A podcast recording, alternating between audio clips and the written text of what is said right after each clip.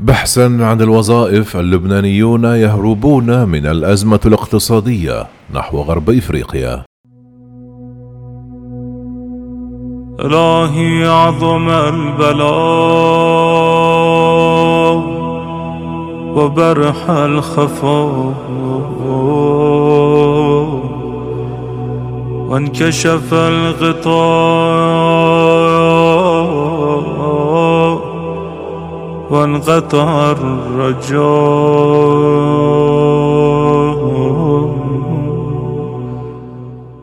عندما بدأت البنوك في الانهيار وعمت التظاهرات الاحتجاجية الشوارع في أكتوبر من عام 2019 رفض موسي خوري مغادرة لبنان وكذلك بعد تحطم منزله بسبب انفجار مرفأ العاصمة في أغسطس الماضي. لكنه في النهاية لم يستطع تحمل انهيار العملة اللبنانية وهاجر إلى غرب إفريقيا. 250 ألف لبناني الآن يقيمون في غرب إفريقيا وتتزايد أعدادهم في الأشهر الأخيرة وذلك بحسب تقرير أعدته مجلة الإيكومينيست خوري يدير شركة ناشئة لبيع الخضار المزروعة في المزارع المائية. كان عملائه يدفعون له بالعملة المحلية في حين أن مورديه يطالبون بالعملة الصعبة. لذا قرر في إبريل الماضي قبول عرض قدمه أحد معارفه الذي وعده بالاستثمار معه في الشركة وانتقل إلى دولة غانا.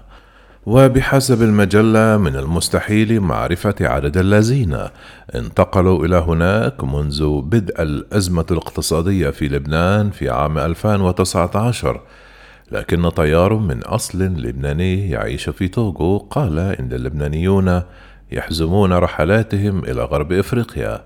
وأفادت سفارة لبنان في نيجيريا عن زيارة ملحوظة في انتقال اللبنانيين إلى البلاد.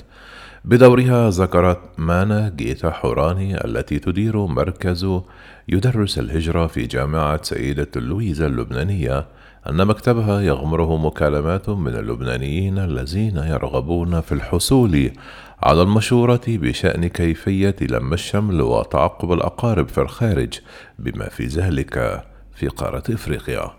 جاء العديد من اللبنانيين إلى غرب القارة في القرن التاسع عشر ونزلوا عن طريق الخطأ من السفن المتجهة إلى أمريكا بحسب الرواية الشائعة وأثبت الوافدون الجدد نجاحا كوسطاء بين السكان المحليين والقوى المستعمرة فيما بعد كأصحاب أعمال وتجار سلع.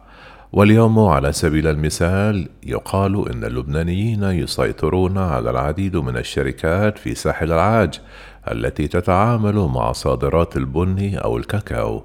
ووفقا للصحيفة يعتبر اللبنانيون أن الحصول على تأشيرات من وجهات غرب إفريقيا أسهل بكثير من الحصول على تأشيرات من الولايات المتحدة أو الدول الأوروبية، كما أنه من السهل الحصول على الوظائف.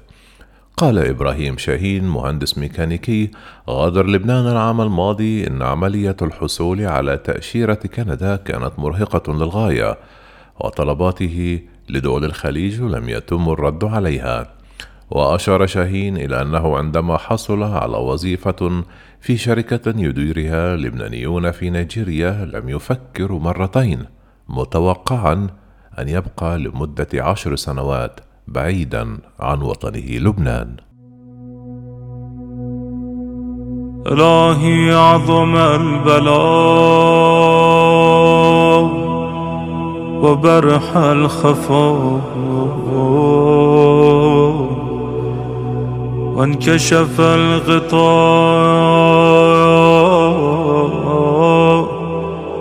وانقطع الرجاء